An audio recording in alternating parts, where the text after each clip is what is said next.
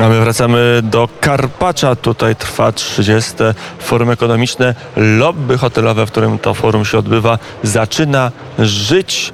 Już są panowie w garniturach z krawatami, panie w garsonkach i zaczyna się nerwowa krzątanina. Już ktoś gdzieś biegł, ktoś gdzieś się spieszył. Życie kongresowe nabiera e, tempa, a my również w poranku wnet nabieramy tempa, bo teraz trzeba kilka ważnych tematów omówić. W naszym studio dwoje gości, ale po kolei. Jeden po drugim, dokładnie jedna przed drugim. Będą występować Anna Wawrzyszko, wiceprezes Związku Polaków w Niemczech. Dzień dobry. Dzień dobry, dzień dobry Państwu. Dzień... No to rzućmy okiem na to, jak e, w ogóle po co, po co Związek Polaków w Niemczech przyjeżdża do e, Karpacza, co ma do powiedzenia i czego szukają, szuka Polonia niemiecka tutaj na forum ekonomicznym. E, panie redaktorze, to jest... Pani prezes. To jest, powiem panu, bardzo dobre pytanie. Czego my poszukujemy? Panie redaktorze, takie fora, które się odbywają, e, pozwalają nam przede wszystkim e, pokazać nie tylko problematykę, z którą się, e, w której się poruszamy od, można powiedzieć, od dekad, ale również pokazują na to, w jaki sposób Polonia m, taka już korporacyjna, można powiedzieć, funkcjonuje, bo przecież tematy tych forum, f, które się odbywają na forach polonijnych nie tylko dotyczą nie, tylko dotyczą trudnych problemów, ale też pokazują bardzo duży progres i działalność Polonii z całego świata. Między innymi też również z Niemiec. A jak wygląda działalność Polaków w Niemczech? To jest taka Polonia dość specyficzna, bo do ojczyzny blisko. Można e, załadować samochód, dwie, trzy godziny jest się w domu. Można kursować dom Niemcy, dom Niemcy. Nie jest to odległy kontakt. E, tak, rzeczywiście e, powiem szczerze, mm, zmieniło się to po wejściu Polski do Unii Europejskiej, ale to tak jak panie redaktorze mm, Polonia niemiecka jest dosyć specyficzna z uwagi na to, że właściwie Polonię niemiecką można podzielić tak, na Niemców pochodzenia polskiego, na Polonię i Polaków.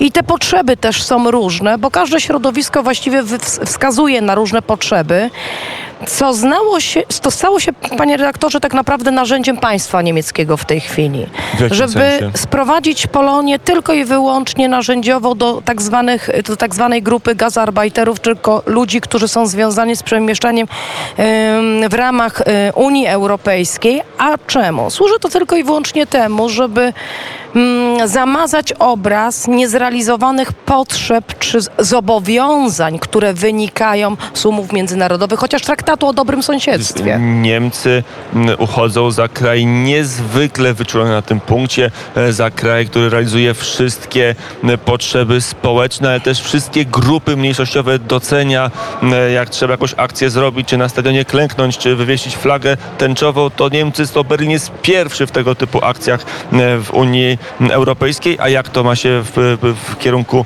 czy, czy wobec mniejszości polskiej w Niemczech? Ja myślę, że e, mówiąc ogólnie, to powiem panu szczerze, że nie tylko my zmagamy się z problemami, ale ja będę mówiła tylko i wyłącznie o problemach naszej grupy mniejszościowej, które, które uważam z punktu widzenia państwa polskiego, a też mówimy o sobie, że jest nas 60 milionów, jest bardzo istotne. Przede wszystkim oczywiście symbolika, symbole zawsze były i trwają przy państwu niemieckim, ale to jest symbolika tylko i wyłącznie, dlatego że nie jest, nie naprawdę nie da się tego wytłumaczyć, jak zobowiązanie traktatowe z 1991 roku, które zostało w dużej mierze zrealizowane przez państwo niemieckie. Y, punkty dotyczące y, Polonii, y, Polaków i Niemców pochodzenia polskiego, które zostały zapisane w tym traktacie, do dnia dzisiejszego, panie redaktorze, nie ma rozporządzeń wykonawczych. Pragnę podkreślić, że mm, traktat został podpisany przez przez Izbę przez Bundestag i Bundesrat, czyli ratyfikowały go też landy. My po 30 latach nie mamy prze, prze, przepisów wykonawczych do nauczania języka polskiego ojczystego. Państwo niemieckie nie finansuje języka polskiego ojczystego. Finansuje tylko język, ale to na podstawie dyrektywy unijnej. Która, który dotyczy y, y, pracowników delegowanych, czy też rodzin, które po 2004 roku wyjechały y, w ramach przemieszczania się. Po prostu znale uważają, że tylko i wyłącznie takie to nauczanie y, e, będą spełniać. Nie wiem dlaczego. Dlatego, że pozbawiono nas bardzo dużego atrybutu, a, przede wszystkim prawo. Ograniczono nam prawo. E, Nie ma prawa, Polonia nie ma e, prawa e, i statusu mniejszości. E, W Niemczech taki status miała przed wojną, miała ba w czasie wojny do roku 1943 Związek Polaków w Niemczech za chwilę będzie liczył sobie 100 lat, a kwestia mniejszości jest niezałatwiona. Jak to wygląda? Dlaczego tak się dzieje? Y, Co do statusu mniejszości, oczywiście prawo, które zostało na, nało, nałożone y, y, w, y, w 40 roku ustawą, tak, to jest ustawodawstwo, które wynikało, bo ja, pr- pr- proszę Państwa, najważniejsze jest to, żeby podkreślić dwie rzeczy. Ustawy rasistowskie, które wywłaszczały majątki, dotyczyły tylko dwóch nacji. 38 to są Żydzi i 40 rok to są Polacy. Żadna inna nacja, która została poszkodowana w wyniku działań wojennych, nie była ustawodawczo wywłaszczona. Czyli tego nie porusza w ogóle też, y, nie porusza się tego na... y, Jak znam e, życie, diaspora żydowska otrzymała odszkodowanie. Tak, walczy do dnia dzisiejszego, bo ma prawo walczyć z uwagi na to, że jeżeli doszło do em, systemowego wywłaszczenia, nie zajęcia przez działania wojenne, to jest też zupełnie w ujęciu prawnym coś innego. Okej, a Polacy walczą? Oczywiście, że walczymy, A proszę pa- polski rząd walczy? y, walczy, proszę pana, walczy, tylko że. Wie pan co, ja panu powiem tak, jest to proces bardzo trudny. Nam państwo polskie poz, pozwoliło na stworzenie tak zwanej białej księgi, która zawiera około 120 stron mają, majątku odebranego. To jest wyliczone, bo żeby państwu podkreślić. 120 stron majątku. Tak, czyli wyliczone- nieruchomości, ruchomości, Jasne. wywłaszczenie. I to popiera rząd polski, a co z tym robi rząd niemiecki? Y, Rząd niemiecki nie czyni z nic, y, żeby powiedzieć, nic, kompletnie nic. Dlaczego? Dlatego, że państwo niemieckie wychodzi z założenia, że y, my, że sprawa jest przedawniona. Nie jest przedawniona, bo ja... A czy tak samo z takiego samego wniosku wychodzi wobec diaspory żydowskiej, czy nie? Nie, dlatego że się nie porusza. Nie porusza się tej podstawy prawnej, która dokonała tego wywłaszczenia. Bo y, jeżeli, jeżeli mówimy, że doszło do ym, tak naprawdę p- przed proklamacją państwa niemieckiego y, ustawodawstwo niemieckie dokonało derogacji prawa, tak? W zakresie ustaw nasistowskich, które w, nie, w jednej części też powstały. Prawo pracy i tak dalej. Natomiast w przypadku, kiedy, panie redaktorze, mamy do czynienia e, z ustawą Geringa, która wywłaszczyła Polonię, Polaków, mniejszość polską z majątku.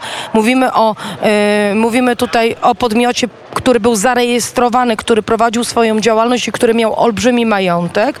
To jeżeli e, mówimy o derogacji prawa, która miała nastąpić po 1945 roku, to w miejsce tego powinno z powrotem przywrócić się to do stanu sprzed. Tak się nie stało. To jeszcze ostatni wątek o statusie mniejszości, o stanie sprzed e, e, władzy nazistowskiej, sprzed wojny, sprzed e, wywłaszczenia, sprzed zawieszenia, zlikwidowania statusu mniejszości dla Polaków.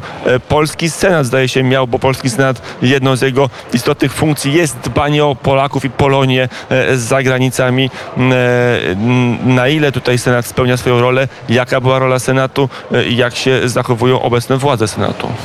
Pani No panie redaktorze, mamy obecnie bardzo kuriozalną sytuację. To naprawdę to jest... y, Nie wiem, czy wynika to z niewiedzy pana marszałka, y, bo można to w ten sposób ująć. Marszałka Grodzkiego? Marszałka Grodzkiego. Mamy kuriozalną sytuację. Jest rocznica w zeszłym roku 80. 80. rocznica nałożenia, e, nałożenia tego rozporządzenia, które w sposób systemowy nie tylko wywłaszczyło, ale też można powiedzieć, że w dużej części e, pragnę podkreślić jeszcze jedną rzecz, że pierwszy, pier, pierwsze tak naprawdę transporty do obozów koncentracyjnych to byli działacze. To byli działacze związkowi. I co robi pan marszałek? Pan marszałek powołuje się na donosy dwóch przedstawicieli o, z Niemiec, ludzi, którzy są opłacani systemowo co miesiąc przez państwo niemieckie, że ta uchwała, która okolicznościowa, żeby pani, redaktorze Oczywiście wiedział, okolicznościowa uchwała. która przeszła całą procedurę. pan, pan marszałek ją zablokował, twierdząc, że ma głosy z Niemiec, które zaszkodzą w otrzymywaniu środki, środków innym organizacjom.